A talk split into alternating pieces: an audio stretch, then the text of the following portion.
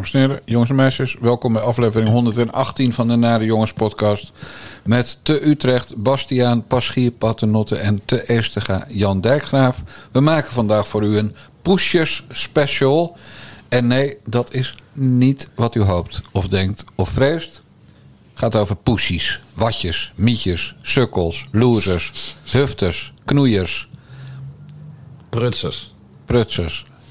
En, Bas, hoe gaat het? Druk, druk, druk? Druk, druk, druk. En we gaan, ik ben, we gaan waarschijnlijk tot middernacht door vandaag. Wij? Nou ja, het, eh, de firma Paternotte. Oh, ja, ja. Want we hebben dat Groningen-debat. En, eh, en ik ben vanmorgen om, eh, gewoon om 7 uur opgestaan, hardlopen, douchen, stukjes tikken.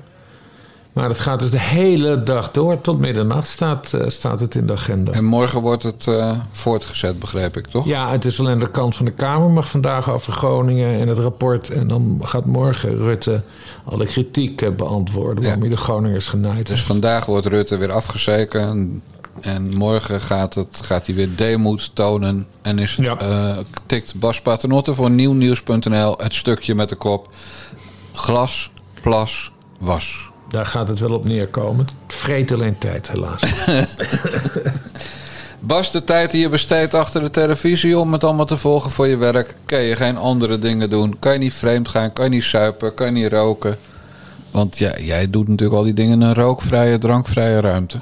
Ja, Dus het is alleen maar goed voor je gezondheid eh, dat je Dat tot middernacht doorgaat. dat is waar. En over een weekje of vijf is het alweer zomerreces, joh. Hebben ze alweer negen weken vakantie. Ja. Goed, laten we beginnen met eh, vanmiddag, het vragenuurtje. Ja, Een van de, eh, van de gasten van de Tweede Kamer was eh, staatssecretaris Erik van den Burg. De vijfde VVD'er op rij die werkt aan recordaantallen asielinstroom. En die stond met Kati Piri van de PvdA. Er is geen enkele partij in deze Kamer die vindt dat mensen die geen recht hebben op asiel niet moeten worden teruggestuurd. De vraag is wat voor deals je maakt met landen. En daar staan we niet aan dezelfde kant. Laissez-passés worden amper afgegeven. Eh, mensen worden dus amper teruggestuurd. En de realiteit is dat niemand met deze deal is geholpen. De mensen in Ter Apel zijn zeker niet onder de indruk. Zij merken namelijk niets van de deal met Marokko. En de overlastgevende Marokkanen worden niet van straat geplukt en teruggestuurd. De refijnen in Nederland die zich zorgen maken om de politieke gevangenen... die inmiddels jaren onschuldig achter slot en grendel zitten... Het heeft er alle schijn van dat de premier en deze staatssecretaris de rechten van politieke gevangenen heeft weggegeven om het imago van de VVD als stoere migratiepartij op te poetsen. Maar onder de streep verandert er niets. Tot slot, voorzitter. Wat is de boodschap die premier Rutte gaat brengen als hij op bezoek gaat in, Ma in Marokko? De staatssecretaris. Gaat de premier naar Marokko? Mevrouw Piri zegt dat hij dat zelf heeft aangegeven. Oké, Eh, ik heb eh, geen idee dat de premier naar Marokko gaat. En wat hij daar gaat zeggen, eh, weet ik dus ook niet. Dus dat zou mevrouw Piri moeten vragen aan eh, de premier. Dit gebeurde dus echt hè, vanmiddag in het Vraaguur in de Nationale Vergaderzaal. Mark Rutte heeft namelijk afgelopen vrijdag op de wekelijkse persconferentie... heeft hij gezegd, ik ga binnenkort naar Marokko. Hè, omdat er Ja. problemen zijn met die eh, Marokko-deal. En eh, dat hebben alle kranten en, en, en alle tv-programma's hebben dat keurig overgenomen. Van kijk, onze minister-president is daadkrachtig bezig zijn met de asielcrisis. Want hij gaat zelf naar Marokko. En iedereen gaat er natuurlijk vanuit dat hij dat met die andere eh, meest belangrijke persoon in het eh, kabinet. als het gaat over asiel. natuurlijk allemaal heeft afgesproken. Want hij heeft natuurlijk goed contact mee. Namelijk de staatssecretaris verantwoordelijk voor asiel, Erik van den Burg. Maar die weet dus helemaal van niks. Dus of Mark Rutte heeft gelogen, de, Ja. ja. Of eh, eh, we moeten tot de conclusie komen dat Mark Rutte en Erik van den Burg, terwijl ze notabene partijgenoten zijn, dat ze niet eens meer met elkaar praten. Dat zou dus betekenen dat er binnen de VVD ruzie zou zijn over het asielbeleid. En wat kan die ruzie zijn dan? Ja, geen idee. Nee, kijk, ik, ik, ik zorg niet voor het misverstand. Hè. Dat is de premier schijnbaar. Dus eh, de premier zegt dat hij naar Marokko gaat. En, en, eh, en eh, Van den Burg weet niet dat hij komt. Hè, dat is dat liedje toch? met tante ging naar Marokko, pom, pom, pom. Ga je nou racistische liedjes zitten zingen? Ja, ik weet niet meer. Ja, zo- zoiets, zoiets was het liedje in ieder geval. Nee, maar het, het is dus te bizar. Nee, ik denk gewoon dat Rutte... eh, Het moet haast wel dat hij het on the spot gewoon heeft bedacht. Van, Ja. weet je wat, ik ga binnenkort naar Marokko. En dat hij dat dus tegen de verzamelde pers heeft gezegd. Maar dat schijnbaar... Het is toch te bizar, Ja. want dat was vrijdag. Ondertussen is er een heel VVD-congres geweest... Ja. over de asielcrisis. Waar Van den Burg aanwezig was. Waar, waar Rutte gesproken heeft. Ja, had hij en dat even kunnen zeggen. dinsdag. Dus vrijdag, zaterdag, zondag, maandag. Vijf dagen later moet, moet, moet, moet Van den Burg erachter komen... dat de premier naar, naar Marokko wil gaan. Nee, het is... Het kan niet zijn dat Van den Burg eh, het wel wist, maar dat hij stond te liegen, volgens jou. Ja, dat zou ook nog kunnen. Maar joh, eh, kijk, je hoort het in zijn stem. En, en als je de beelden terugkijkt... je ziet echt gewoon verbazing in zijn gezicht. Van nou, mij is helemaal niks bekend. Ik weet er echt helemaal echt van... Hè, dat hij echt, echt van niks weet gewoon. Ja, maar het verwijt wat we, wat we Rutte altijd maken is dat hij alles afschuift op anderen. Mhm. En nu zou hij opeens eh à la Ruud Lubbers in, eh, in het, eh, in het dossier van anderen gaan zitten, in, zitten peuren en ingrijpen. Ja, maar dat, dat, dat zonder dat Erik van den Burg... Ja. ook- Dat het ook maar... Ja, kijk, er zal ongetwijfeld een verklaring komen op een gegeven moment. Hè, want heel Nederland heeft dit gezien. En, en natuurlijk de pers. Dus iedereen zal wel vragen... Wat is er aan de hand? En dan zal wel neerkomen op een memootje... wat, wat was kwijtgeraakt. Dat gebeurt wel Of- vaker. Of dat er stond dat hij naar Rabat gaat... en dat Van den Burg niet wist dat Rabat de hoofdstad van Marokko is. Weet ik veel. Er komt een of ander smoesje komt er ongetwijfeld uit. Maar het was echt te fucking bizar dat dit gebeurde. Maar echt heel Nederland ziet dat dan ook, hè? Het is gewoon tijdens het vragenuur. Ja. Dylan. Bedoel je Dylan of... eh? Nee, ik zit even warm te draaien voor het volgende onderwerp. Oh, Je zou het ook een bruggetje kunnen noemen. Want, Ospa, nou, dit hebben we toch afgehandeld, of niet? ja, ik dacht dat jij misschien nog wel met de mening kwam. Van, wat vindt Dijkgraaf ervan? Maar... Ja, maar Dijkgraaf, die, Dijkgraaf snapt hier niks van. Want Dijkgraaf kent geen VVD'ers die meer, meer, meer, meer, meer, meer, meer, meer, meer instroom willen, instroom willen dan uitgerekend deze twee, Rutte en Van den Burg. Ja. Van den Burg heeft ooit in het parool gezegd: we kunnen niet genoeg asielzoekers hebben in Nederland.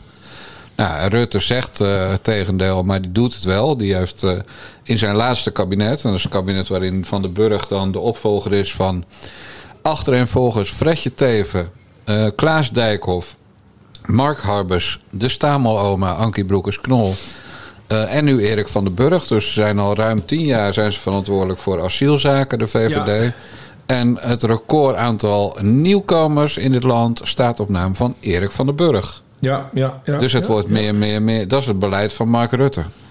Ja, en je, en je, zei net, je zei net de stameloma, maar laten we niet vergeten dat die hele Marokko-discussie met haar is begonnen. Ja, want ze kwam- was niet welkom in Marokko. Want ze was niet welkom in Marokko. Jouw, En, die eh, tante ging niet naar Marokko. Nee, precies.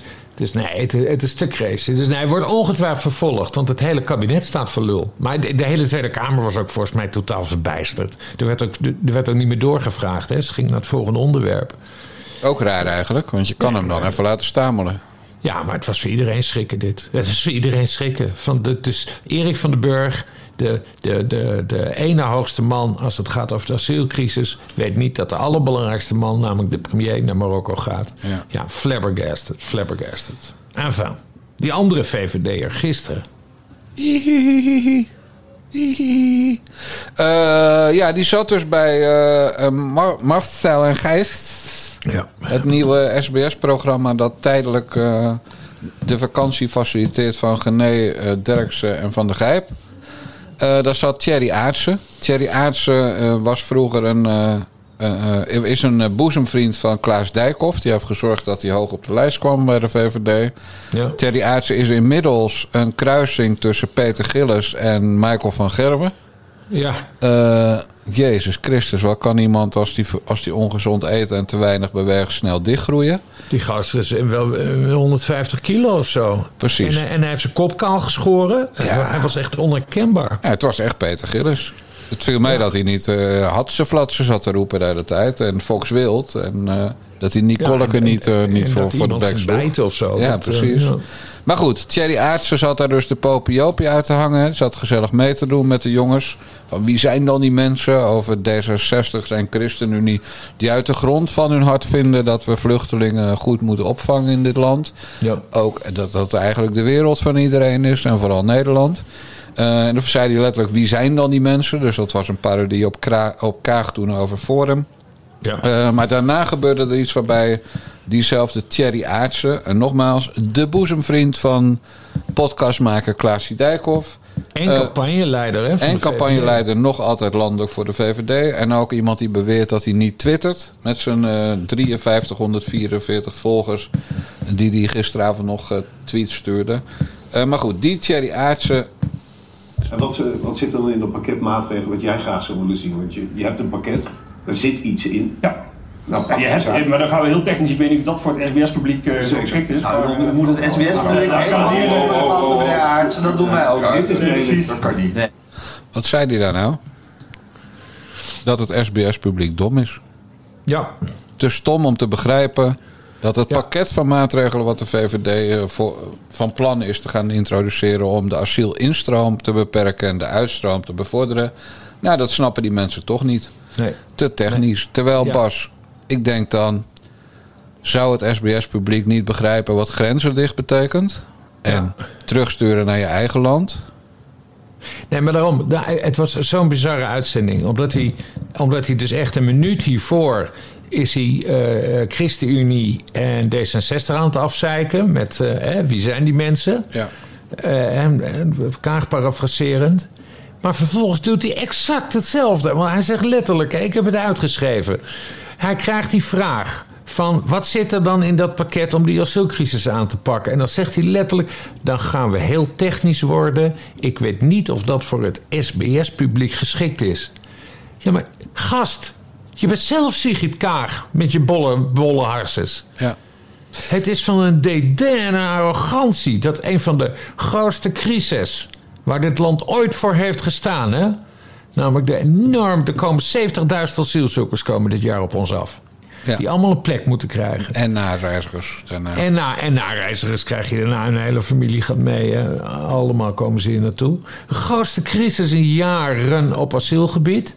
Nou, we weten nu dus inmiddels dat, dat, dat, dat de premier en de staatssecretaris niet eens van elkaar weten wie naar Marokko gaat. Maar goed. En dan, en dan, en dan deze, deze bolle, kale. Nou ja, ik heb eigenlijk geen woorden voor. Ja, zeg het maar, hij- zeg maar hij- wat je- zit- Ja, nee, maar hij zit gewoon bij, hij zit bij SBS 6.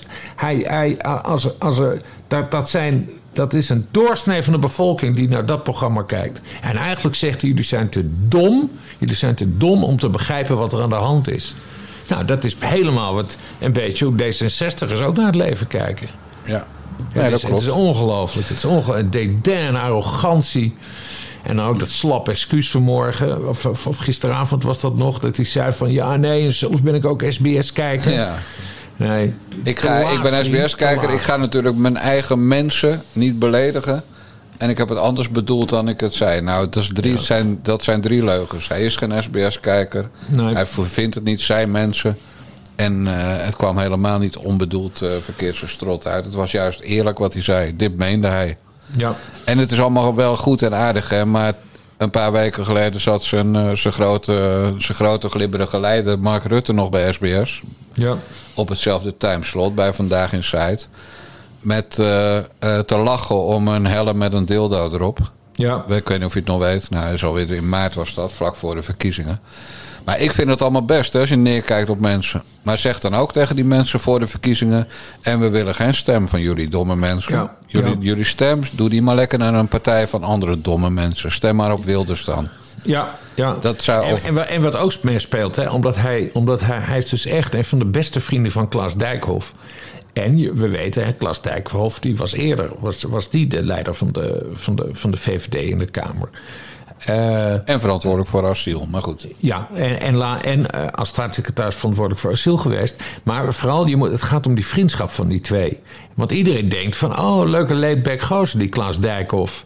Ja, maar dit is dus hoe Klaas Dijkhoff zijn tweede man in dat opzicht, zijn een van zijn beste vrienden. Ja, Klaas Dijkhoff, die denkt dus dan ook zo over natuurlijk. Nederlandse burgers. Ah, nee, kroegpraat van die mannen. Is veel te, is veel te moeilijk, joh. Ja. Hoeven we niet uit te leggen, is veel te moeilijk. Dus, dus dat is ook allemaal maar een pose van die Klaas Dijk. Of Ja, dat hij, dat hij zo'n volkse jongen is.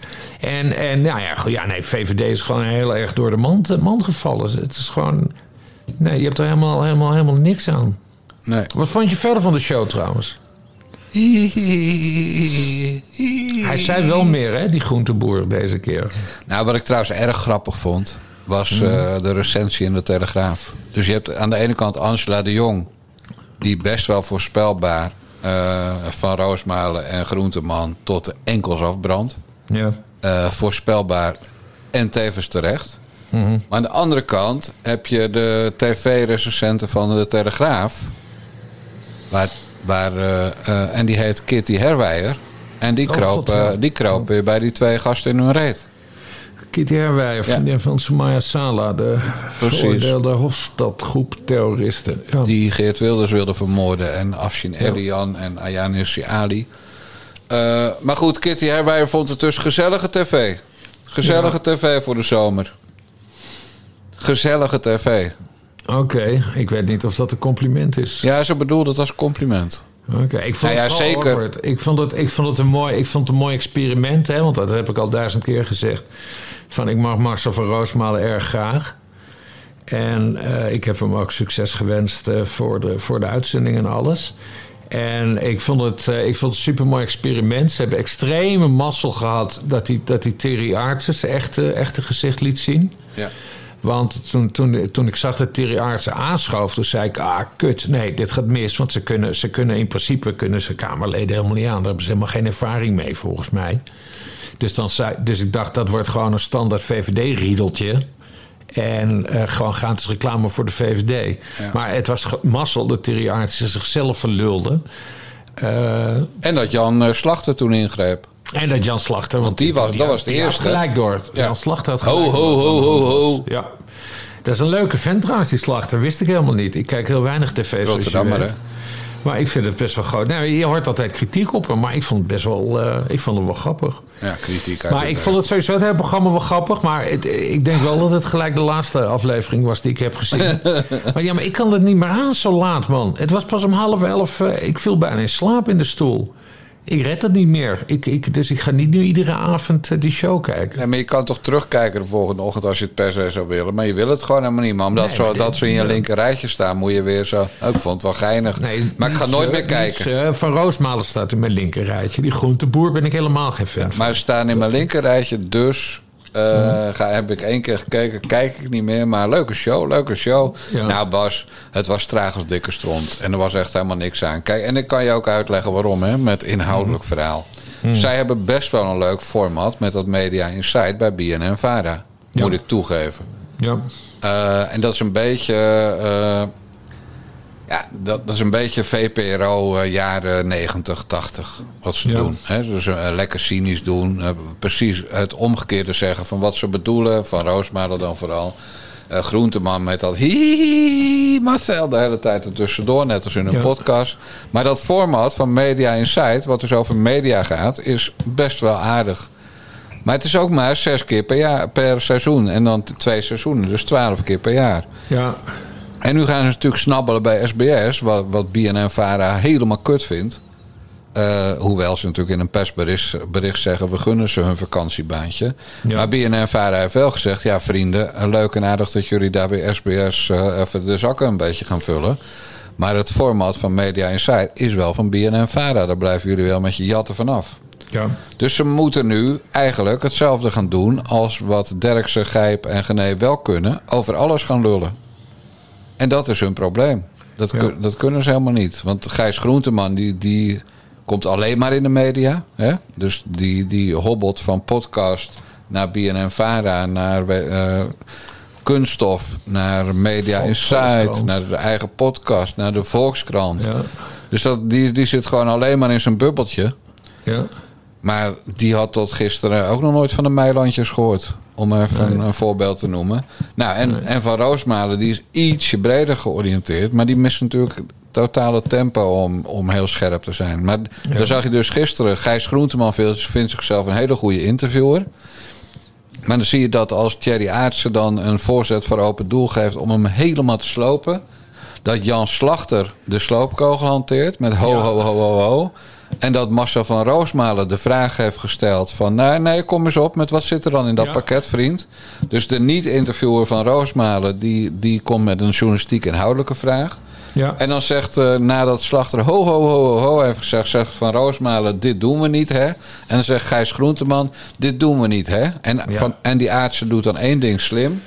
Die begint meteen toch wat dingen uit het pakket te noemen. En dan niet de dingen die we wel allemaal begrijpen, zoals grenzen dicht. En eh, eh, terug naar je eigen land als je geen, geen eh, verblijfsvergunning krijgt. Gaat hij een beetje technisch lullen. Ja.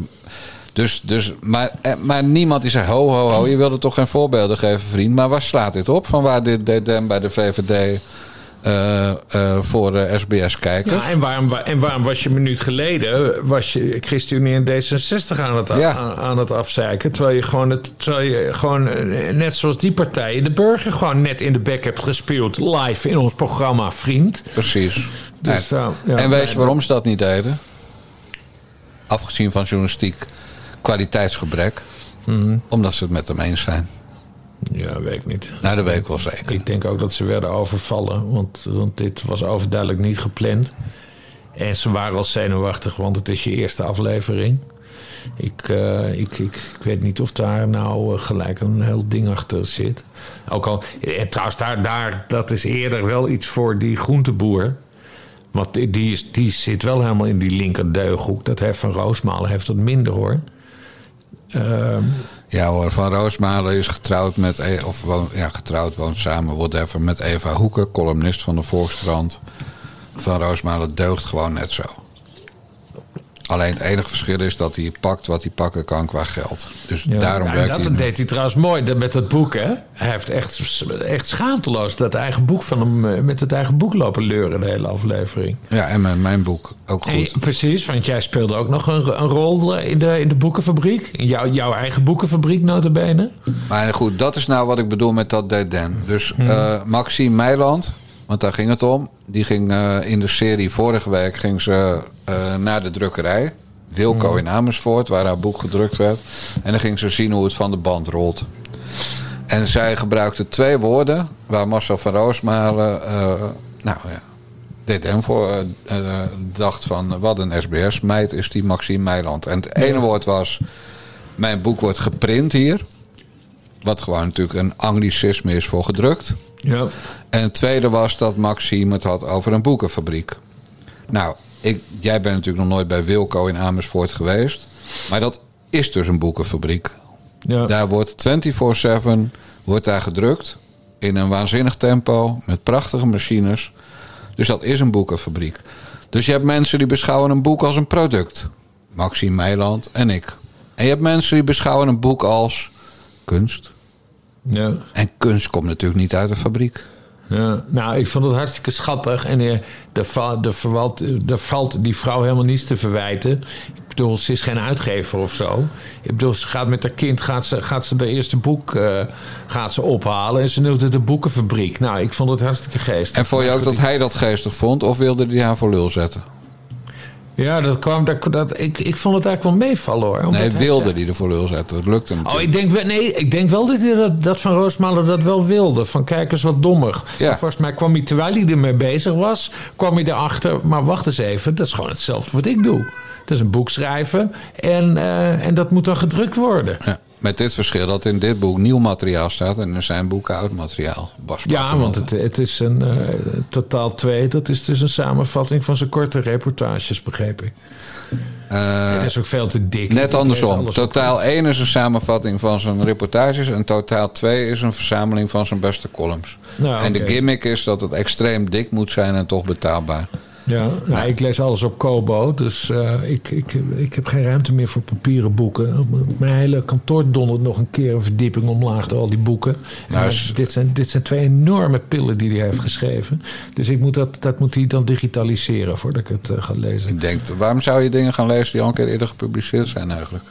Omdat hij in je linker rijtje staat, zeker. Nee, maar die reportages die van rapiditeit die waren geweldig. Daar hebben we het wel eens over gehad. Ja, over dat, zeker. hij, dat hij op pad met Pim. En eh, toen Fortuyn was vermoord.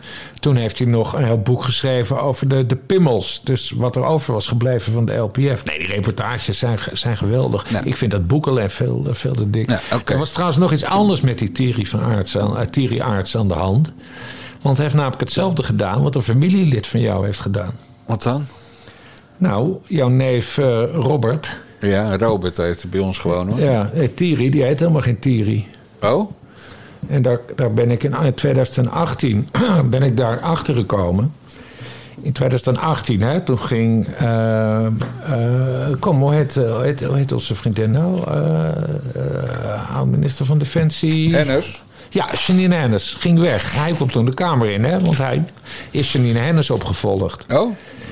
En eh, ik heb daar toen een stukje over getikt van ja, dat, dat, dat, dat hij de Kamer in kwam. En hij was ook bekend omdat hij in Breda als raadslid had hij een keer getwitterd over iemand die zelfmoord had gepleegd voor de trein. En dat hij daarom vertraging had. Oh, is hij dat, joh? Dat is hij, maar dat was dus al meer dan tien jaar geleden. Maakt niet uit. Wat een schof, zeg. Dat kan je Dus, toch niet ja, maken? Ja, maar goed, maar die kwam dus in de Kamer. Maar eh, onze andere eh, Thierry, Thierry Baudet, zat ook net in de Kamer.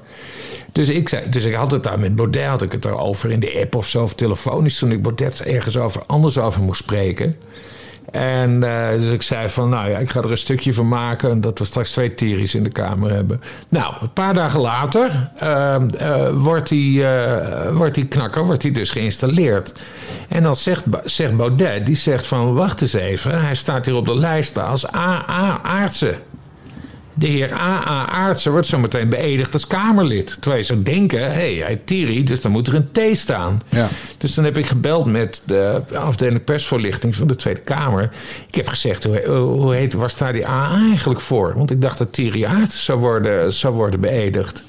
En toen, toen zeiden de aardige mensen van, eh, van de Tweede Kamer zeiden tegen mij... eh, meneer Aartsen, die heet voluit Alfons Adrianus. Dus hij heet Alfons Adrianus Aartsen. Oh? Triple Dus E. dat- Ja, dus de, ja, triple E. Dus dat, dat Thierry, ik weet niet, dat zal wel iets Brabant zijn of zo. Dat, dat, dat een ja. Thierry is dan een afkorting van Alfons Adrianus of zo. Alfons Adrianus. Dat, dat is... Het is ook wel echt een Alfons, moet ik zeggen. Ja, zo, ja, ik zie er gelijk zo'n hele, ja, Alfons, oom Alfons. Ja. Hè? Dan zo'n zo'n dikke Peter Gillis-achtige oom die je dan hebt... die dan in de hoek van de kamer zit te suipen en frikandellen naar binnen Ja, waarvan je ook denkt van je moet je kind niet bij hem achterlaten alleen. Ja, Bij oma ja. Alfons, Alfons de... Alfons, hoe heet hij ook alweer van zijn achternaam? A, eh, Aartsen. Aars. Aarsen heet hij dan misschien. Ja, Alfons Alfons Aartsen. Ja, nee, nou, dat, is echt, dat is echt de oom die je op, op je verjaardag niet alleen moet laten met je kleine neefje. Want dan Ja, gaat het wel echt eens fout. Want dan zit hij ook weer dom te lachen.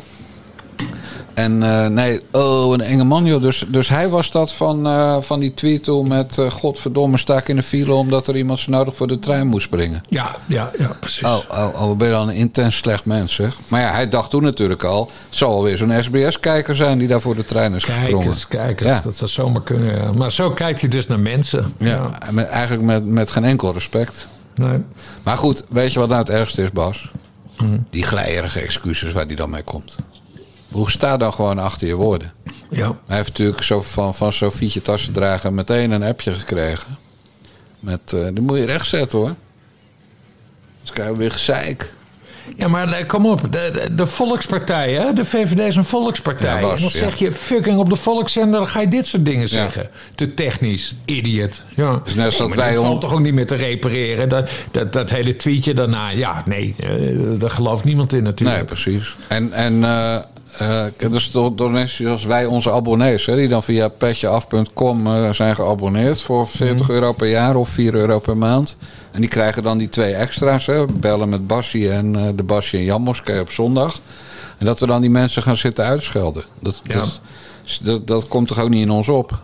Nee, nee, nee, nee maar dit, ge- dit geeft gewoon aan Gewoon Alfons, Adrianus, Aartsen. eh, die heeft gewoon een scheidhekel aan gewone mensen. Ja. Gewone mensen die belasting moeten betalen. Gewone mensen die zich zorgen maken over de energiecrisis. Gewone mensen die zich zorgen maken over de asielcrisis. Gewone mensen die zich zorgen maken over de inflatiecrisis. Gewone mensen die allemaal klimaatregelen voor de kiezer krijgen. Gewone mensen met zorgen, ja. Die kijken naar Den Haag. Die kijken naar een volkspartij. Die kijken naar een gezellige, een gezellige dikkerd. Een gezellige dikkerd als Thierry Aartsen. Die aanschuift bij hun zender, SBS. Ja. En die, en die kijken naar Thierry Aartsen en die hopen... Thierry, verlos ons. Vertel ons iets. Vertel ons tenminste over wat voor plan jullie als VVD hebben...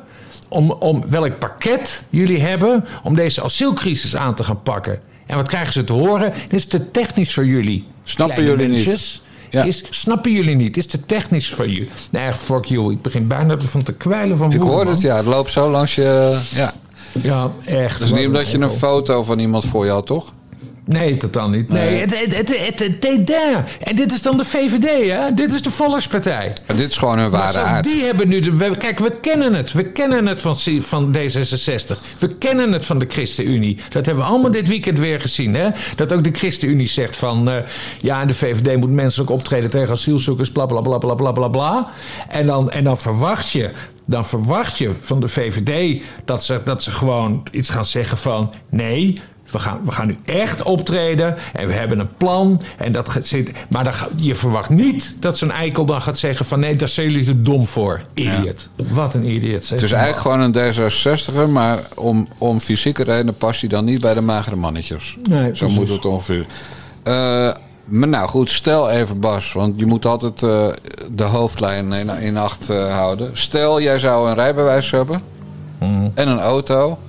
Je rijdt over de grachten Mm. en opeens rolt uit de kroeg tijdens carnaval Alfons Adrianus Aartsen de, de weg op. Ja. Rem je heel hard? Rem je net te langzaam? Of geef je gewoon gas? Ja, nee. Als zulke, soort, eh, soort suggesties eh, doe ik niet. Eh, wij in Utrecht met dit soort vervelende types... die, die duw je gewoon de gracht in.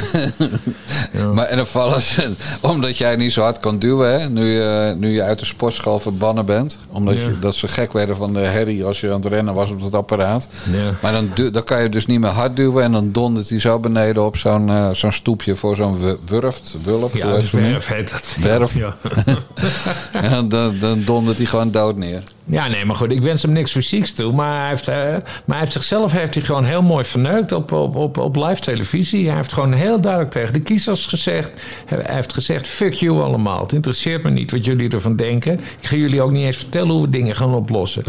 En nou ja, en binnen 24 uur, binnen 24 uur heb je, blijkt dat de staatssecretaris van Ja. Zaken van dezelfde partij niet eens weet waar Mark Rutte, de leider van de partij, mee bezig is. Nee, echt, die, die hele VVD. Hè, want je, ik heb altijd wel een beetje het idee, want ik, ik ken ook wel eh, een paar VVD'ers, het zijn echt wel goede kerels zitten ertussen. Je hebt altijd wel een beetje het idee van, ja, los van die grote bekken en dat ze zichzelf hebben uitgeleverd aan D66. Eh, ze, ze bedoelen, wel- ze hebben misschien toch wel ergens een beetje het goede met de mens voor, met de burger. En nou, dat blijkt dus helemaal niet waar te zijn. Want, want, want, want de Thierry Aartsen, die dus eigenlijk eh Alfons Adrianus heet... die heeft dus duidelijk eh, zijn ware gezicht eh, laten zien... bij, bij, bij, bij, bij Marcel en, en Groenteboer. En het was geen prettig, het was geen prettig gezicht. Nee.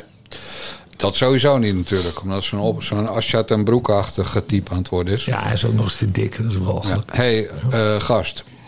Nou zouden ze dus vanavond eh, bij Marcel en Gijs... zouden ze eh, Britt Dekker als hoofdgast hebben. Ter plek van Jan Slachter. Maar die heeft al afgezegd. Dus de tweede avond... eh, zegt de hoofdgast al een beetje... steek hem lekker in je reet, Marcel en Gijs. Ik kom Ja. niet. Hoe moeten we dat zien? Eh, Geen idee. Dat is een excuus. Waarom komt Dekker niet? Toch dat paardenmeisje? Ja, dat vind ik wel... wel kijk, dat is ook dit, hè? Om een talentvolle vrouw...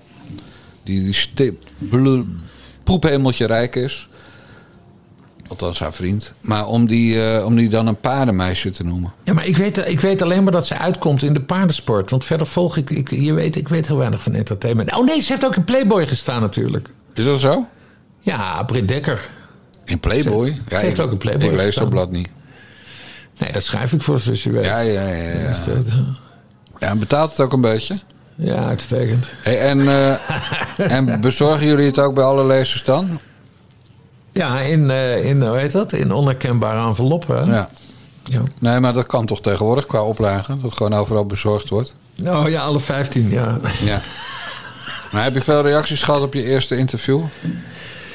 Ja, en vandaag hadden we weer nieuws, hè? Want het stond overal. Wat dan? Eh, dat Martin Koolhoven, de filmregisseur, eh, die sprak ik onlangs voor een stukje. En dat is de kop geworden. Die zegt dus dat hij eh, Victoria Koblenko wel in Playboy zou willen zien. Hè? De, de actrice Victoria Koblenko. En dat is tegenwoordig nieuws in Nederland? Ja, weet ik veel. Ik zag het voorbij komen, een grote kop. Dus Playboy heeft een interview met Martin Koolhoven. Ja. Want Eddie Terstal kon niet, dus dan pakte ze Koolhoven. En Koolhoven zegt, ik wil eigenlijk wel Victoria Koblenko in de Playboy zien. ja.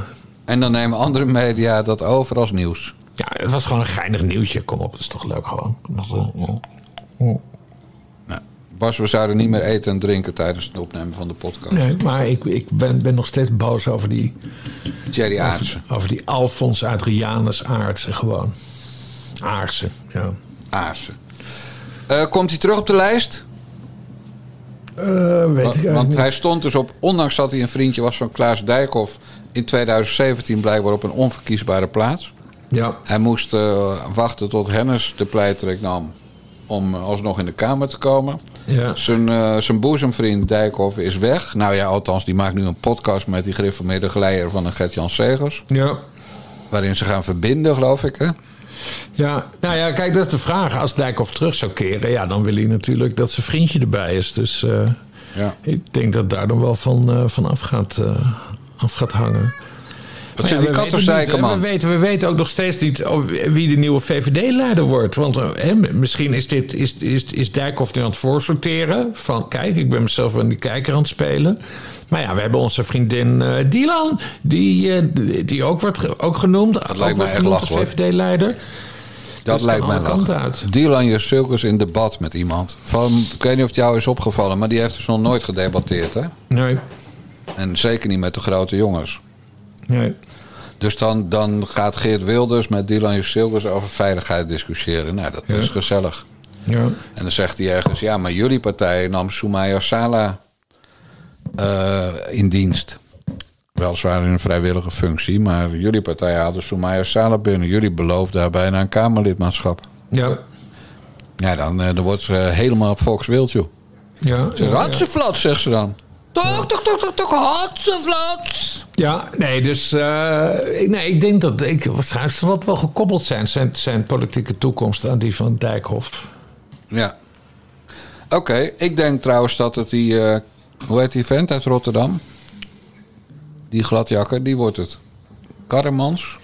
Koppelmans? Oh ja, Vincent, Vincent Karremans. Ja, de fractievoorzitter of wethouder in Of Rotterdam. wethouder in, eh, ja, ja, Ja, die, wordt, die, maakt van die hele gelikte eh, filmpjes om zichzelf te promoten. Ja, die is een keer voor een gemeenteraadsverkiezing, niet de laatste, maar die daarvoor. Toen reed hij op een, op een soort, soort hoe heet het, witte schimmel, wit paard. Met ontbloot bovenlijf reed hij door de stad. Ja, net als Poetin. Zo'n type, oh ja, verdomd, net als Poetin. Ja. Ja, dat soort volk. Ja, laten we maar gewoon noemen zoals het is. Net als Poetin, die VVD. Goed, eh, dus we schrijven Marcel en Gijs af, neem ik aan. Ja, nou, wat zullen, eh, jij gaat het vaker kijken dan ik dus. En eh dus zal ongetwijfeld nog wel... Ja. Maar het, het is ook maar een maand, hè? Het is maar vier weken. Ja, ja. Dus het zijn twintig, twintig uitzendingen. Maar ik zit weer een beetje op instructies van Bob Dijkgraaf te wachten. hè. Want als Oh. ik weer zo'n eh, oude niet naar, beneden trap eh, appje van hem krijg... ja, dan hoef ik ook niet meer te kijken. Nee. Want ze hadden maar 600.000 11.000 kijkers. Dus dat is al 400.000 minder dan de, dan de laatste van Vandaag in Zuid. Ze zaten na de Meilandjes. Dan heb je zogena- een zogenaamde goede lead-in. Vanavond zitten ze na Peter Gillis. Dus dan heb je een eh, matiger een lead-in. Ja. En morgen zitten ze naast, na een onbekend, mij onbekend programma. Ik kijk altijd alleen op maandag en op dinsdag mag ik niet meer kijken. Dus die gaan binnen een week naar onder de 400.000, kan ik je vertellen, Bas. Ja, ja. En dan is het toch gewoon mislukt. Mi- Gewoon mislukt. Dan is het puur een pakje poen, Gijs en Marcel. En, Ja, maar eh, hoe heet dat? De, de, de, de, theorie van de lage verwachtingen? Of de, ja, het heet Ja. anders, maar zo hebben ze dat toegepast. Want, want ze hebben vanaf dag één gezegd van... of, of eh, niet vanaf dag één, maar zeg maar al weken voordat, voor gisteren... van ja, het zal wel niks worden met ons. Dus ja, dan is het... eh, hè? hoe heet dat nou? De, de theory of lower expectations? Ja, mijn Engels is altijd heel slecht. Ja. Maar het is in ieder geval verwachtingsmanagement. eh, Het, is, het verwachtingsmanagement is heel duidelijk vanuit hun geweest, want het wordt helemaal niks. Dus dan kunnen ze er ook niet op worden aangesproken als het helemaal kut is. Nou, daar ben ik het totaal niet Kijk, mee het wordt pas zo vet als John de Mol halverwege de stekker eruit Ja, zou maar dat doet hij natuurlijk Dan, eh, Maar dat doet hij niet. Nee. Nee, hele goede tip van Johan Derksen om deze twee te nemen. Echt. eh, en Johan Derksen die dan vanochtend weer in het AD zegt... eh, nou ja, vond wel leuk. Ja, goed gedaan wel. Ja, ik ga zeker nog wel kijken. Ja, echt hoor, echt. Ja, ja, nou... Oh, heeft Dirk zich Ja, in gereageerd? het AD. Ja, Nou, hij ligt dat hij bast. ja. Kijk, Derks, ik ken Derks een beetje. En ik vind Derks ook echt iets hebben. Hè? Heb ik al eens eerder verteld. Dat is een hele scherpe columnist met lef. Ja. Zij durfde de mensen die, die de grond in boorden... in die tijd heette dat aan het gas schreef... die durfde die ook in de ogen te kijken. Nou, daar ben Ja. ik altijd erg voor. ja. Schimmelpenning, die durft mij niet in de ogen te kijken. Nou, bij mij zou die het nog kunnen qua lengte. Maar, Ja. maar, eh, maar ik bedoel, Derksen die denkt alleen maar... mooi dat ze kutcijfers scoren. En weer een Ja. concurrent weggespeeld. ja. Zo denkt hij. En heeft hij nog gelijk ook. Ja, ja, ja, ja. ja, hij zou ook zijn mond erover kunnen houden. Ik, want ik wilde eigenlijk zeggen, ja, over je graf regeren. Maar hij regeert niet over zijn graf, want hij, is over vier weken is hij weer terug. Ja, voor zover wij weten, komt hij terug. Je weet het Ja. op die leeftijd nooit. Nee, dat is waar. 74. Dat is waar. Hey, eh, er was nog heel goed media nieuws deze week. Bas, dus Ja? een voorzet. Er was nog maar heel goed media nieuws deze week. Ja, eh, geen idee. Vertel. Nou, WNL op zondag verdwijnt weer een week of 8, 9, 10, 12 van de buis. Oké, dat heb ik allemaal niet meegekregen, want ik zat in die congressen. Er waren drie congressen zondag. Zaterdag. Eh, Zaterdag. Oh. Zomerstop. Zomerstop voor WNL. 9 tot 12 weken, Bas. Oké. Dat is publieke omroep. Publieke omroep vindt zichzelf zo relevant dat ze allemaal moeiteloos de hele winter stoppen en de hele zomer stoppen. En dat ze bij elkaar dan een week of 18 gewoon hup, weg van de buis. Ja. Oh, wat hebben wij een belangrijk eh, nieuws, nieuws- en actualiteitenprogramma. Maar we zijn er nu even drie maanden niet. Wat moet Lik Niemand dan doen in godsnaam? Ja, dan zal hij wel weer voor een of andere eh, NGO eh, met, eh, met, met zijn vrouw fotootjes gaan maken ergens. En dat hij dan de bijschriftjes stikt. Ja, want hij moet wel, die gast die moet wekelijks bij iemand slijmen. Anders, anders, heeft hij, anders gaat het niet goed met hem. Nee, nou ja, dan doet hij zijn congresje voor Hugo de Jonge, dat werk. Oké. Maar goed, de meeste van de bijschriften, die kan ze dan beter meenemen, die Sascha de Boer. Je weet wie dat is. Ja, Ja, zo- Blijboom natuurlijk. Oh, Ik bedoel, dan ga je, ga je op pad als vrouw met, met die halve eunuch. Terwijl je Michiel Blijboom mee kan nemen, die in alles beter is dan die halve eunuch. ja. Ook in bijschriften tikken. Ja, absoluut. Ja. Maar goed, het was dus de laatste uitzending afgelopen eh, zondag. En ja. de hele familie Dijkgraaf. Van die, de Veluwse tak, de Rotterdamse tak. We zaten acht allemaal. In een kring om de buis. Nee joh, bloednerveus. Eh, allemaal appen de avond ervoor. Oh kut, hij zit er weer, hij zit er weer, hij zit er. Wat zal hij nu weer gaan doen? Want eh, kijk, wij waren allemaal trots vroeger hè, op mijn neef, Robert. En eh, niemand was zo slim als hij. Snaartheorie, mechanische fysica, weet ik het allemaal wat hij allemaal Ja. kon. Terwijl de meeste van ons gewoon normale boerenlullen zoals ik waren. Die een grote smoel hadden en af en toe een stukje konden tikken of konden rekenen. Maar hadden we die geniale Robert. Maar ja, toen werd hij opeens minister voor D66. En sindsdien eh, ja, gaat hij, hoewel hij officieel over onderwijs gaat, is hij allemaal, allemaal van die woke dingen aan het doen. Is hij eh, L- LGBTHQ enzovoort dingetjes aan het doen. Dus ja, waar ga je het dan hè, eh, met Rick Nieman over hebben?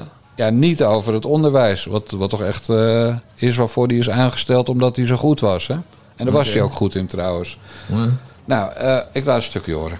Stappen, denk ik. die Superbelangrijk. Uiteindelijk, en Alleen- mijn punt is, als we dit Ja. adresseren, hè, dus in de volledige breedte, waar we zeggen van ja, het gaat niet alleen maar over eh, de nazaten van slavernij, het gaat ook andere vormen van discriminatie. Bijvoorbeeld, het is, het is eigenlijk een soort tentstok. Als we dat adresseren, die creëert een grotere tent, creëert meer mogelijkheden. Het is onderdeel van een bredere emancipatie. Ik denk dat niemand het daarmee oneens is. En ik denk wel dat wat Jules zegt, als je te snel gaat en te veel dingen erbij betrekt, dat je daardoor misschien een ander deel van de bevolking weer achter Nee, maar dat is denk ik heel ik zag belangrijk. zelfs, sorry, ik zag zelfs eh, in een interview wat u met de Volkskrant had vrijdag bij u, dacht ik enig ongemak te, te bespeuren in de antwoorden die u gaf. Want daar werd gevraagd, zijn de, bijvoorbeeld de 100% controles op Schiphol, waar mensen uit Suriname, allemaal, iedereen overigens, wordt gecontroleerd, heeft dat te maken met het slavernijverleden? Het aantal eh, eh, visa wat wordt gegeven voor mensen die uit Suriname hier naartoe willen komen, heeft dat te maken met het slavernijverleden? En ik meende zelfs in uw antwoorden te bespeuren van, ja, hoe, hoe moet ik die link nou leggen? Want u Nou, wilde daar geen antwoord op geven. Nou ja, kijk, als je natuurlijk kijkt van de relaties die we hebben met eh, landen die ook eh, voormalige koloniën zijn. Als je me vraagt, heeft dat te maken met ons koloniaal verleden? Ja. Zijn deze landen geschapen als een soort windgewest? Ja. Eh, betekent dat onze relaties in het nu gekleurd zijn door het verleden? Absoluut. Dus daar moeten we ons van bewust zijn. Maar ik denk ook wel van, het belangrijk is dat het hele proces, dat gaat tijd vragen. En dat moeten we stap voor stap doen. En het is denk ik heel belangrijk dat we op een adequate manier al die gevoelens van mensen Mhm. hè, die gewoon weten dat ze hun geschiedenis nooit verder eh, zullen terug weten te voeren dan het moment dat hun voorouders werden over de oceaan werden versleept. Eh, terwijl ik eh, wel denk ik kan wel een tijdje doorgaan ergens hoe die dijkgraafjes ergens Ja, daar zo zaten. Dat, dus dat is, dat is echt een groot verschil. Eh, dus dat moeten we realiseren, re- ons realiseren. Maar we moeten ook het gesprek hebben met iedereen die misschien zegt van... ik heb er helemaal niks mee. Waarvoor is dit op dit moment het Nou ja, of, gaande? of eh, de, de vraag is, maar dat zei meneer eh, Mark Rutte ook in, trouwens in zijn speech... er is geen sprake van een soort erfzonde waarbij hè, is, onze generatie is niet schuldig. Hoe de dijkgraafjes ergens zaten, zei hij. Hoorde je hem? Ja, ja. Nou, dat zal ik je vertellen. Zowel de voorouders van Robert Dijkgraaf als van mij... dat waren gewoon eh lijfeigenen van, een, Mhm. van een herenboer. En die moesten op het land werken. Of, of die moesten in, later in de haven werken, in de kolen. Weet je wel? Dat ze van die zwarte longen hadden toen op hun zestigste en allemaal dood gingen aan longkanker. Ja. Dijkgraafje zijn was in die tijd ook geen pretje, Bas Paternotte. Nee, ik, wat ik vooral zo bizar vind, is dat, is dat WNL, hoe noemen ze zich nou? Gezellig rechts? Ja. Dus, dan heb, dus dit is dan de laatste aflevering voor hun, eh, hun wekenlange eh, Zomerstop. zomerstop. Ja. En, en dan, gaan ze het, dan gaan ze het over dat die doodvermoeiende slavernijtoestand hebben. Ik, ik, snap, ik, ik snap die hele onderwerpkeuzes van Bert Huisjes ook niet meer. Waarom, waarom moet het daarover gaan? Het lijkt wel D66-televisie. Snap je wat ik bedoel? Ja, dat is het ook. Ja. Het is gewoon de. Kijk, en- de actuele aanleiding was natuurlijk dat Willem-Alexander Vorst eh, had gezegd dat hij gaat spreken op 1 juli bij Katy Kuti. Ja. Ja, bij, eh, ja, maar dan, ga je, dat, dan is dat, dat is toch nog, nog steeds niet een enorme aanleiding om, om voor WNL, voor de zomerstop. Het maar want dan, mag Bert, dan krijgt Bert weer een compliment van de NPO-top. Ja. En, en dan, dan kwispelt hij weer met zijn staartje. En dan geeft hij gas in zijn grote BMW. En dan gaat hij weer lekker naar de Veluwe en naar moeder de vrouw. Ja. Maar dat, nee, natuurlijk heb je daar gelijk in. Maar, maar die Robert Dijkgraaf, die dus wetenschapper is... en nog wel in de exacte wetenschap zat ook... Ja. die dan het heeft over gevoelens. En we moeten... Nee, we moeten helemaal niks, pik. Nee. Dat vind jij misschien dat we dat moeten, maar we moeten helemaal niks. En, we, en, en hij, had ook nog, hij maakte ook nog de blunder dat, dat hij het misschien wel een goed idee vond... als 1 juli dan voortaan een vrije dag werd in Nederland. Oh jezus. Interessante gedachte. Ja, ja, ja. Ja, net als natuurlijk het suikerfeest, hè, want we moeten integreren Ja. wij. Hè, want Ja. want eh, wij zijn allemaal tussen die, eh, die moslims komen wonen hier in Nederland. Dus wij moeten wel integreren. Dus het suikerfeest moet ook een nationale feestdag worden met vrijheid. En dan, dan heel misschien kon dan tweede Pinksterdag kon wel vervallen. Ja. Want ja, moeten werkgevers natuurlijk geen geld kosten, want dan komt Thierry Aartsen weer zeggen. En dan, en, dan, en dan moet die Katie Coty dag moet dan de vrijdag worden. Ja, dan, dus, en Katie Coty dag is natuurlijk 1 juli. En dat is eh, gerelateerd aan 1 juli 1863, toen officieel de Ja. slavernij in Nederland. Ja, en ik zat even na te denken of, dat, of, dat, of het dan al reces is. Of dat hij, of dat hij zijn reces dan kan verlengen. Er zit natuurlijk iets achter. Zoiets zit erachter. Ja, Kan maar goed, dat, maar dat vond hij dus misschien wel een interessante gedachte. Eh, Maar wat zo'n sukkel dan vergeet... eh, de slavernij, eh, wa- eh, slavernij was erg. Hè? Slavernij heerst ook nog in grote delen van de wereld. Ja. Maar wat hij vergeet is dat maar een klein deel van de Nederlandse bevolking daar last van heeft gehad. Ja. En, en allemaal uitgestelde last. Want niemand die hier nu woont heeft katoen geplukt. En ook niet de vader of moeder van iemand die hier nu woont. En niemand die hier nu woont heeft eh, slaven gehad. Dus dat is een heel simpel verhaal. Maar het is, dus het is uitgestelde pijn. Maar daar geloof ik wel in. Kan best bestaan. Ja. Als eh, ouders vroeger veel geslagen werden, slaan ze vaak ook hun kind. Dus, Ja. dus dingen worden wel doorgegeven. Dat klopt. Maar een klein deel maar van de Nederlandse bevolking. Ja. Maar een heel groot deel van de Nederlandse bevolking is nazaat van mensen die de Tweede Wereldoorlog hebben meegemaakt. Ja. En die hebben geleden onder de bombardementen van de moffen, die de hongerwinter hebben meegemaakt, Ja. die als ze Jood waren door de buren werden aangegeven. Ja. Eh, die als ze te maken kregen met overheidsmensen, zoals politieagenten en ambtenaren die ze niet moesten, ook werden aangegeven. Dus 5 mei, een nationale feestdag en een vrije dag. Dat zou dan een meer een, om even in de woorden van mijn neefje te spreken, interessante gedachte zijn. Ja, ja, ja, maar die is, godverdomme, gewoon afgeschaft, eeuwen geleden. Sterker nog, Gijs van Dijk, jou wel bekend, hè, van Tinkerbell, Ja. van, van, van de PvdA... die heeft in de tijd dat Ronald Plasterk minister was... nog Kamervragen gesteld met...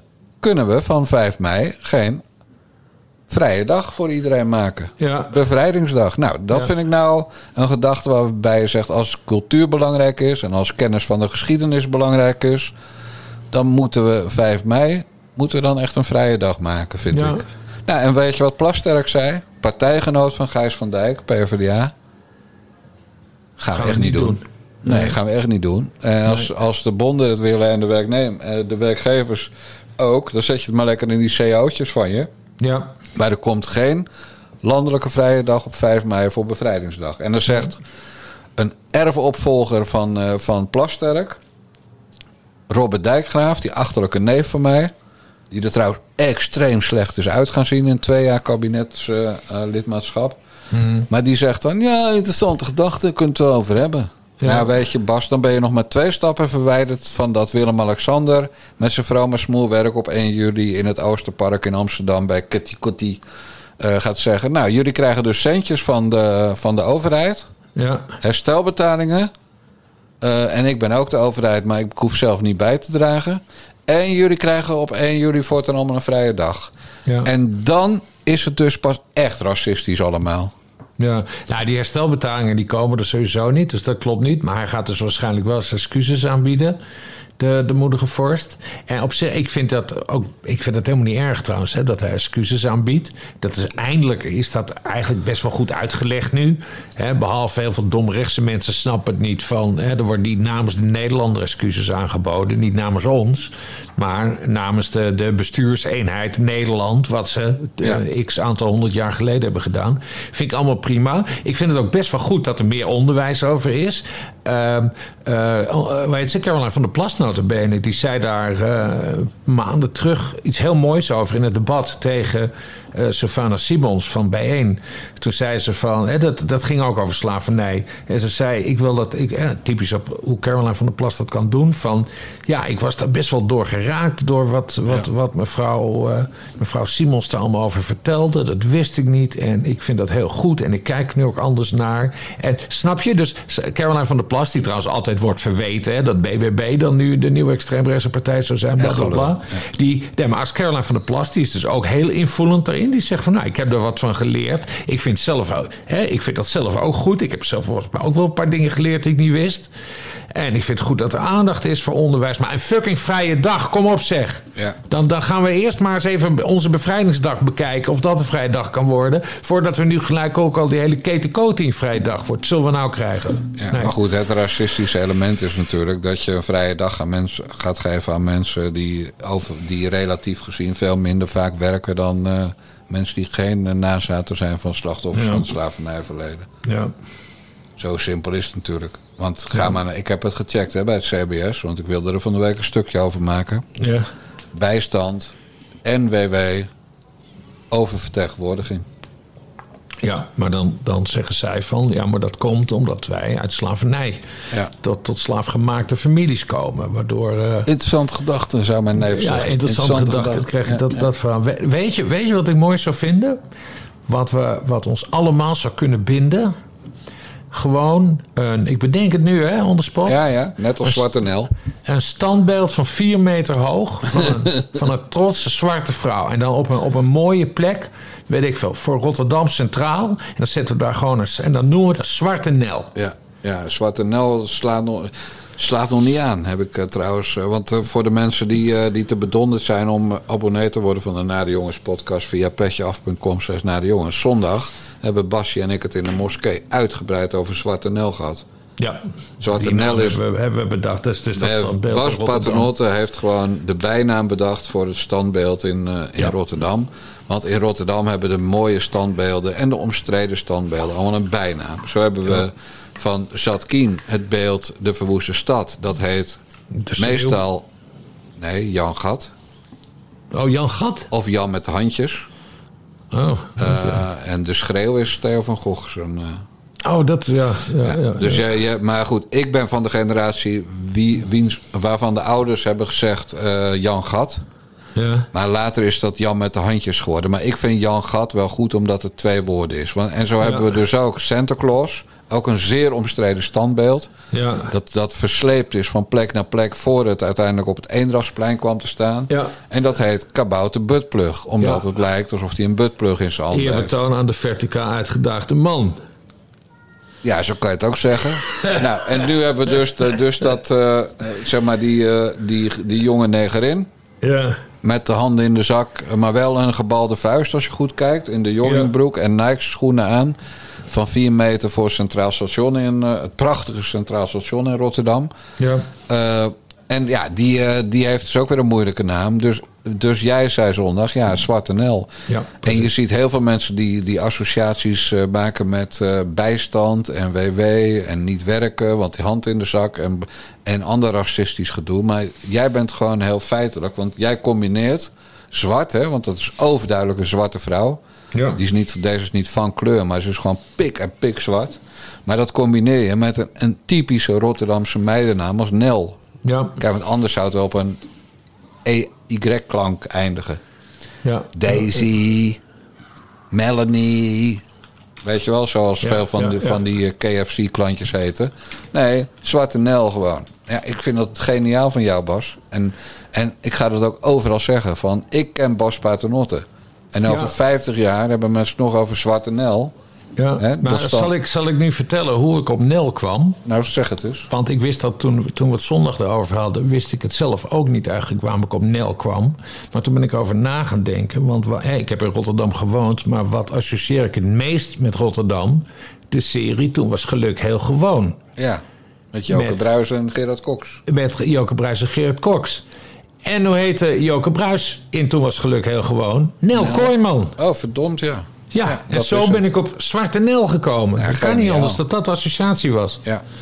Maar ik vind mensen die dan bijnamen gaan verzinnen die racistisch zijn, die vind ik echt niet deugen. Nee. Eh, dus, dus dat moeten we vooral niet doen. Je moet een naam zijn waar gewoon niemand wat tegenin kan brengen. Nou, Ja. zwart is ze. En Nel is Rotterdams. Dus dit is gewoon. En het is ook gewoon in het kader van zeg maar de. Van- de eenheid van alle mensen, de 168 nationaliteiten in, in Rotterdam, die in Rotterdam wonen. De Ja. diversiteit en de inclusiviteit is het ook gewoon goed om iemand die zwart is Nel te noemen. In plaats Ja. van Daisy of Melanie of eh, weet ik hoe, het allemaal, hoe ze allemaal Ja. heten. Nee, gewoon Zwarte Nel. Ja, dus, dus wij, ja, ik, Heel ik wil, Rotterdams vind ik het. we moeten dat echt groot gaan maken. En ik, ik overweeg ook t-shirts te gaan, eh, Ja. te, te gaan maken. Misschien een stripfiguur er ook van maken. Nou, daar hebben we er al zat van. De avonturen van Zwarte Nel. Tot mij wende zich, krijg ik dan weer een mailtje. Zo de meter op, man. Ja, omdat allemaal van die gekken gaan zeggen dat, dat meester Snikkelsmuller, want daar heb jij het natuurlijk over. Maar allemaal van, die, van die, die sukkels op Twitter, die gaan dan zeggen: ja, maar dat is natuurlijk Sidney Smeets. Ja. Want deze man heeft ook een bril en ook een baard, die, die meester Snikkelsmuller. Ja. Ja, hebben zoveel mensen een bril en een baard. Sterker Ja. nog, ik heb een bril en een baard. Ja. Maar tegen mij zeggen ze gewoon niet, je bent Sidney Smeets. Nee, maar ja, hallo, ik heb ook een bril en een baard. Zullen we nou krijgen? En jou, Ja. jij wordt ook nooit Sidney Smeets genoemd. Maar dan gaan Nee, ze zeggen... Nee, Dijkgraaf, je, be- je zegt wel meester Snikkelsmuller... maar je bedoelt eh D66-Kamerlid to be Sidney Smeets. Ja, ja. Hoe staat het daar trouwens mee nu? eh, Ja, nou, dat was vanmiddag ook. Eh, Paul van Menen die heeft dus nu eh, officieel afscheid genomen als lid van de D66-fractie in de Tweede Kamer. Omdat hij later deze maand eh, beëdigd wordt tot senator. je weet en trouwens wel hoe ze hem in Rotterdam zouden noemen, hè? Wat zeg je? Je weet wel hoe ze hem in Rotterdam zouden noemen. Bepaal met de stok. Nee, Nelers. Anke Nelers natuurlijk. Oh, en Manke Nelis. Maar ga verder. Ja, Manke Paul, ja. Afscheid. Eerste Nee, Kamer. die heeft dus afscheid genomen omdat hij fractievoorzitter wordt in de Eerste Kamer namens D66. En dat betekent dus dat we nu in de situatie zitten dat de D66-fractie twee lege zetels heeft. En een van die zetels die kan, kan worden ingenomen door, eh, door Sidney Smeets. En het is, eh, die moet dus dan eerst nog officieel gevraagd worden door de kiesraad. En dan eh, krijgt hij twee weken om te beslissen. En eh, volgens mij eh, is hij dat lekker aan het eh, uitstellen. Hè? Want Sidney Smeets laat de hele tijd in het midden of hij terugkeert. Ja, wat wel sterk is. Ja, nee, tuurlijk. Hij gaat het helemaal uitmelken. En, en, en dan, gaat hij, dan gaat hij uiteindelijk zeggen: ik doe het niet of ik doe het wel. Maar ja, dan zal D66 moeten zeggen: ja, maar we willen je niet terug. En dan zegt hij: nou prima, dan hou ik mijn zetel. En dan, dan heb, je, heb je opeens de groep Smeets. En dan zijn er 23 fracties in de Kamer. Maar wat denk je? Gaat hij het doen of gaat hij het niet doen? Die Geen idee, geen idee. Hij, gaat, eh, hij heeft er in ieder geval lol in om het zo lang mogelijk te rekken. Ja, het zuigen en De zo. duidelijkheid, hè, is typisch wat die Smeets doet. Zuigen, zuigen, zuigen. Ook, want hij heeft, hij heeft gewoon een appeltje te schillen. En laten zuigen, maar dat is een ander verhaal. Ja, dat is een ander verhaal. Nee, maar hij heeft gewoon een appeltje te schillen met D66. Omdat hij gewoon weg moest. En, eh en eh, Kaag heeft gezegd, jij moet weg, vriend. Ja, voor zulke dat- dingen is dat- geen plaats bij ons. Ja, en dat, dat, ja, dat, dat vindt hij zuur natuurlijk. Want Ja. anders had hij al lang kunnen zeggen van... nee hoor, eh, geen zorg, ik keer, eh, ik keer niet terug. En ik, mocht, er, mocht er een situatie komen dat, dat mijn zetel beschikbaar zou komen... nee, dan, eh, ge- dan wil ik zelfs zwart op wit zitten, zetten. Zo zijn wij juristen. Geen probleem D66, geen zorg, ik kom niet terug. Heeft hij helemaal niet gedaan. Dus hij laat het... Want het AD heeft hem erover bevraagd. En dan, ja, dan zegt hij, ja, daar ga ik niks over zeggen. Dus hij gaat dit helemaal rekken, zuigen, treiteren. Ik, Ja. ik, ik bedoel, ik vind het een vreselijke man. Maar dat D66 zo gepest wordt door een D66-mannetje... Ja, dat is wel heerlijk natuurlijk. Ja, ja, dat is echt heerlijk. En, en eh, ik denk dat hij het niet doet en dat wie Duk dat een schuld krijgt. Dat hij, eh, dat hij bijvoorbeeld wacht tot hij één tweet krijgt met... eh, als ik jou in een donker steegje tegenkom, dan weet ik nog niet wat ik doe. Ja. En dat hij dan eh, heel hard naar een bevriende, on- bevriende journalist rent met... ik ben bedreigd, ik ben bedreigd. Ja. En, en dan Ja. weet hij dat dat een volger van Wie Duk is. En dan zegt hij, ah, opgezet door Wie Duk. Ja, de werkelijke reden waarom ik niet terugkeer in de Tweede. Kamer. Ja, Wierduk. Ja, en dan stuurde- alles is, maar echt alles is de schuld tegenwoordig van Wierduk. Absoluut, ja. Potverdorie man, ik stoot er laatst meteen. Ik ga, godverdomme, Kut Wie Duk. Kut Ja. Wierduk. Ja. Ja, ik stond in de file vorige week opeens. Ik heb nooit meer file. En vorige week opeens wel. Dus ik meteen appen. Wie Duk? Ja. Ja, wat is er, Jan? Hij antwoordde toen wel meteen. Ik zei, ja, file, lul. Ja. Waarom doe je dat? Ja. Ja. Over uh, Wie Duk gesproken. Ja. Eh Fidan. Met Mhm. de docu, BNN-Vara. Daar hebben wij het al over gehad, hè? Ja, zondag. Oké, nou, dan hou ik er verder mijn mond over. Ja, nee, die gaan naar, eh, Ja. die gaan naar eh, Jan Slachter van eh, Max. Hij heeft die docu gekocht omdat BNN Vara Ja, niet wil kopen. Nee, dat klopt. Ja. Wel Maar wat, uitzenden. kijk, ik denk dan van het gaat over een docu, hè? En dan, dan verdiep je er een beetje in. Mhm. Dus het ging erom dat BNN Vara hem niet wil uitzenden, tenzij er wat in geschrapt werd, wat over BNN Vara ging. Nou, dat is natuurlijk typisch gedrag wat we ook, as we speak, bij NRC Handelsblad zien gebeuren rond Peter van der Meers. Ja. Hij is al drie jaar weg en nu komen er eindelijk mensen uit de kast die zeggen... wat een vuile, vieze Matthijs van Nieuwkerk, Dennis Wiersma... Juri Albrecht, die Peter van der Meers was. Ja, maar dus. dat, nog even over Peter van der Meers. Hè. Dat is op basis van een verhaal wat in HP De Tijd staat. Of Ja. op de site van HP De Tijd. Ehm, en Van der Meers is inderdaad al drie jaar weg of zo. Maar ik, ik dacht dat wij die verhalen allemaal wel kenden... van Ja, dat Van der. Meers gewoon een klootzak was. Maar ze luisteren nooit naar ons, Bas, als wij dingen Nee. eh, met elkaar bespreken op onze Nee. podcast. Dan denken ze, ah, dat zijn toch maar die nare jongens. Dat maar is er nooit waar een grote publicatie over geweest? Dat Nooit. Van der Meers... eh Nou, wat Er bizar. is wel eh, wat, ooit wat aangestipt her en der. Mhm. Dus het was inderdaad best wel bekend. En ook zijn escapades in bepaalde appartementen in Amsterdam waren wel bekend. Althans, Ja. ik wist er wel van. Mhm. Eh, en ik ga natuurlijk niet zeggen van wie. Want ik heb al ruzie met dat mens. Eh, maar goed, eh dan ben ik wel mijn verhaal weer kwijt. Ja. Dat ging, Dat niet, ging niet over... Ja, godverdomme. Ja, we, hadden, we begonnen met Fidan Ekis. En Oh ja. ja. Eh, dus ik verdiep me in die shit. Van die, die docu die dan eh, door, door BNN-Vara alleen werd uitgezonden... als er eh, ingeschrapt zou worden ten faveur van BNN-Vara. Maar dat gaat dus niet over het feit dat Gijs van Dijk in die docu aan het woord komt... over canceling. En, eh, en er eerder een docu was van Tim Hofman... over Gijs van Dijk... waarin Gijs van Dijk tot zijn enkels werd afgebrand... Ja. Maar dat ging over iets heel anders, hè? Waarom BNN-Vara die docu van Fidan niet wilde. Heb je dat nog meegekregen? of Nee, dat heb ik niet meegekregen. Eh, ze hadden... Dus de makers van die docu, dat waren Fidan en een meneer Schaap... die hadden een of ander raar cadeautje naar eh, de hoogste baas van BNN-Vara gestuurd. En dat cadeautje, dat, eh, d- dat kwam, eh, ik geloof, eh, blackface, zoals ze dat noemen. Kortom, iets met Zwarte Piet. Ja. En die, eh, die hoogste baas werd daar heel boos om. En toen hebben ze dat akkefietje met die hoogste baas die heel boos werd... hebben ze in die docu gegooid. En dat grapje met die taart die ze hadden gestuurd met die Zwarte Piet erop. Dus, dus BNN-Vara zegt nu... Ja, maar de aanleiding... Dat zegt alleen BNN-Vara. De aanleiding was... En dan noemen ze bewust niet Tim Hofmans... een eh, Gijs van Dijk eh, docu. Ja. Dus dat Timmetje Hofman zo machtig is dat hij iets kan tegenhouden. Nee, ze noemen iets heel anders. Want ze vonden dat uitlokking en dat vonden ze niet netjes. Ja. Dus dat is ook van, als het waar is van Fidan niet zo netjes. Eh, maar goed, waar ik naartoe wilde, Bas. Wat is nou jouw idee van een documentaire? Hoe, hoe- wat, eh, dus het is BNN-Vara en die hebben een documentaire. eh, Die gaan ze uitzenden. Waar denk jij dan aan? Waar gaan ze die uitzenden?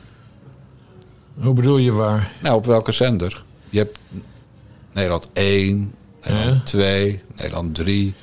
Je hebt nog meer zenders. Waar, waar denk je dat... Als je, eh, er is een jaar aan gewerkt door Fidan en die meneer Schaap. Ja. En het worden vier afleveringen. Waar, waar en op welk tijdstip ga je die nou uitzenden als je BNN-Vara bent? Ja, nee, maar Max heeft hem toch? Ik snap Nee, maar goed, waar gaat Max hem uitzenden? Maar waar zou BNN-Vara hem gaan uitzenden? Oh, geen idee, dat weet ik allemaal niet. NPO Start. Dat is internet. Ja, Ze gingen, ze gingen hem sowieso niet op de. Nee, niet op, wat je natuurlijk doet bij een spraakmakende docu waar een jaar aan gewerkt wordt, Ja. is NPO 1. Want dat is de best bekeken zender, omdat al die bejaarden hun afstandsbediening vast hebben ge- gekleefd op NPO 1. Met Ja. die zweethandjes van ze. Ja. Dus daar denk je dan aan. Maar het blijkt dus dat die hele docu waar Fidan dus een jaar haar hart en ziel in heeft gelegd. Hè, want ze vindt docu's maken honderd keer leuker dan het stomme op één. Wat ze voor WNL dan weer doet. Alsof het één pot nat is. BNN, Vara en WNL. Maar het, Ja. ging dus, het ging dus om betaal-tv van de NPO. Op internet. En dat kost geloof ik 2,95 per maand. Want ik heb er ook een abootje op. Ja. Maar er kijkt helemaal... Kijk, het is geen Videoland of eh, HBO Max of Netflix. Dat de NPO start. Er kijkt geen reet naar. Nee. Dus, dus Fidan. Ekis zit een jaar lang met iemand te werken aan een docu. Die wordt dan vier afleveringen en die wordt ergens op internet... Ja, ergens waar niemand kijkt uitgezonden. Maar waar ze wel voor moeten betalen. Want ze zouden het ook gewoon gratis op de YouTubes kunnen zetten. Want dat doet die Hofman. Ja, gratis, die bedelt daar weer voor. Ja, En die nee, snap dan- ik. Maar, nee, maar ik bedoel, ze maken dus eh, dubbel moeilijk om deze hele Ja, documentaire dat bedoel te ik. bekijken. Dus, Ja, ja, ja, dus ja. Fidan die denkt eh goede serie te maken met een docu-serie. Dus ook geen Ja. kritiek op BNN-Vara. Dit is meer van, jezus, je kan jezelf ook wel belangrijk maken met... ik ben documentaire maakster. Ja. En wat blijkt dan? dan? Dan kom je op een kanaal terecht waar nog minder mensen naar gaan kijken dan dat er naar ons luisteren elke week. Ja, ja, ja, ja. ja. Snap je? Ja, Jezus zeg. En, en misschien dat Omroep Max het dus wel op tv gaat doen. Maar, kijk, ik ben natuurlijk geen complotdenker. Maar de NPO bepaalt wat wanneer wordt uitgezonden en niet de omroepen. Ja. Zou het misschien kunnen, omdat dit over canceling gaat, ook van mensen die, zoals Gijs van Dijk, dat de NPO het natuurlijk niet wil, omdat dit toch een ander geluid is, een ongewenst geluid. Iets wat, wat Bert Huisjes nooit zou uitzenden bij WNO bijvoorbeeld. ja. ja, zo moet je dan. Nee, gewoon weggeparkeerd op NPO Start. En dan hoeven we het er ook niet meer over te hebben. Exact. Want dan is het formeel uitgezonden en dan klaar. En dan kunnen we gewoon weer verder. Ja, hier heb jij een zakje geld, via dan Ekis. Kralen, kettingjes, wat je maar hebben wil. Hier heb je een appeltje. Appeltje. Appeltje. Nou, wat geeft D66 trouwens? Want de NPO is natuurlijk D66. Die geven andere dingen dan appeltje, appeltjes. Die kunnen ook Alexander Pechtold langsturen. Of Frans van Drimmelen. Ja. Voor betaling in Natura. Ja. Maar goed, allemaal vragen. Ja, Allemaal ja, vragen. allemaal vragen, Ja. vragen, vragen. Oké, nog even over die neef Robert dus. Dus toen hij het over de dijkgraafjes had... toen ging er in de groepsapp van de familie een, eh, een bericht rond van mijn, eh, mijn tante, eh, tante Tony. Mhm. En die stelde voor dat hij met kerst niet meer welkom is. Oké. En eh, unaniem zijn we daarmee akkoord gegaan. Dus Robert Dijkgraaf is uit de familie gepleurd. Eigenlijk wel, ja. ja. Niet meer welkom op de feesten en partijen. Nou, in elk geval met kerst niet meer welkom. En hij mag nog welkom eh, op, eh, eh, de, op het paasdiner. Ja, Want dat hebben we nog nooit gehad. Dus de kans dat dat ooit nog komt is vrij klein. Ja. ja. Nee, maar we zijn hem zat, joh. Het is, het is mooi geweest. Hij is, hij is volledig verwookt. Hij houdt zich alleen maar bezig met LGBTHQ enzovoort. En slavernijgeneuzel. Eh, en ondertussen maar de buitenlandse studenten op onze kosten hier laten studeren. Twee keer zoveel als Nederlanders in het buitenland op kosten van buitenlanders studeren. ja. Eh, die hele universitaire wereld heeft hij, heeft laten verwoken. Hè. Er worden allemaal maar mensen gecanceld zeg maar, die gewoon gezond verstand gebruiken en die niet meedoen aan het eh, noemen van, eh, van die eh, als het om een, een man of een vrouw gaat. Die, dan, die zich dan niet helemaal man of vrouw meer voelt. Of hen of hun, weet ik het hoe het allemaal zit Ja, ja, ja, ja, ja. die debat eigenlijk gewoon kapot maken. Het is gewoon er, wat heeft Robert Dijkgraaf gedaan? Hij heeft het nieuwe leenstelsel ingevoerd. Of hoe het ook heet, mag heten. En heeft hij de mensen die het slachtoffer zijn, de studenten. Hè, want eh, D66 was ooit een onderwijspartij, maar daar hoor je niemand meer over. Maar de mensen die echt zich helemaal torenhoog in de schulden hebben gestoken. omdat het, het stelsel even een paar jaar helemaal kut was. Voor Ja. studenten dan. Die hebben als compensatie, geloof ik, 1000 euro korting eh, gekregen. Dus die hebben dan 70.000 euro schuld. En dan mag 1000 euro eh, is hun appeltje. Dan krijgen van. En, en, en dat is nog veel belangrijker. eh, hij houdt de hand boven het hoofd van een, eh, een, eh, van een pester. En dan namelijk Dennis Wiersma. Ja, pester is netjes gezegd. Ja, want hij had kunnen zeggen van... ja, eigenlijk wil ik helemaal niet dat deze meneer op mijn departement rondloopt. Hij, krijgt, hij heeft die Kamervraag over gekregen. Dat wordt wel heel grappig. Peter Quint van de SP heeft Kamervraag hierover gesteld... aan Dijkgraaf over Wiersma. Van, ja, wat vindt u dat, eh, dat Wiersma voor het onderwijs heeft betekend op deze manier? En dan heel, heel mooi zuigend schrijft Quint op... op het gebied van pesten, op het gebied van omgangsvormen... op het gebied, Ja. zeg maar overal waar Wiersma in de fout is gegaan. Ja. En daar zal Dijkgraaf dus dan nog op moeten beantwoorden. Want eh, kamer, vragen van Kamerleden zul je altijd moeten beantwoorden. Dus dat gaat hij zich ook nog even met, eh, met de marge mannetjes verhouden. Hoe hij zich daaruit moet uh, rotzooien, denk ik. Nou ja, ik, eh, ik vind het gewoon elke keer als ik een krant... Ik durf bijna geen krant meer open te slaan, man. Dijk, Dijkgraaf pleit voor en dan komt er weer, weer zo'n zo'n D66 GroenLinks eh, experimentje... waarbij gevoelens centraal staan. En dan, dan pleit hij daar weer voor. eh, Ja, maar goed, het is, toch, het is toch je naam dan in de krant. Ja, dat bedoel ik. Ja, maar niet op een ik- fijne manier. Nee, ik, ik snap nu Ja, jouw gevoel. Precies, Ja.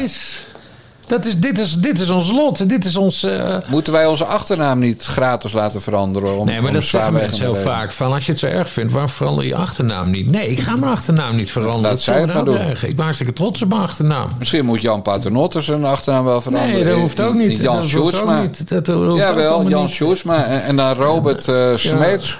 Ja, nee, we gaan de achternaam niet Nee, veranderen. maar hun achternaam moet wel anders, vind Waar het om gaat is, wij waren veel eerder in de media dan die Dat wel.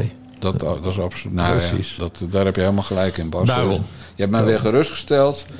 ik, ik, eh, ik ga zeggen dat dit alweer de 118e aflevering van een Naar de Jongens podcast van Niva Radio was. Dat we binnenkort een fotosessie hebben waarbij de makers van de Naar de Jongens podcast zijn de Bastiaan Paschier Paternotte en Jan zonder tweede voornaam Dijkgraaf op de foto gaan voor u en voor de vrouwen in t-shirts. Nou, noem de hele, hele mikmak maar op. Ja. En dan gaan we, gaan we visuele dingetjes doen. Hè? Een docu maken. Docu een vierdelige docu voor, eh, eh, voor Niva Radio Start. Ja, En, achter de betaalmuur. en, en voor de Nare Jongens Videoland. ja, ja, Eh, ja, goed. maar goed, wil je voortaan dus ook de Bellen met Bassie podcast hebben... die we één keer in de week op een onbekend tijdstip... naar aanleiding van een actuele ontwikkeling maken... of elke zondag, en elke zondag bedoel ik... de Ecumenische Kerkdienst uit de Bassie en Jan Moskee... dan moet je naar petjeaf.com slash nadejongens... Dan betaal je 4 eurotjes per maand. Krijg je dus 8 extra podcasts voor. Twee kwartjes per stuk. En onze eeuwige dank. Eh, en eh, dan hoor je erbij. Dan hoor je bij de club. Dan, dan ben je anders dan, eh, dan de gemiddelde Nederlander. Precies. Zo is dat. Bas, ik zeg de mazzel. Doei doei.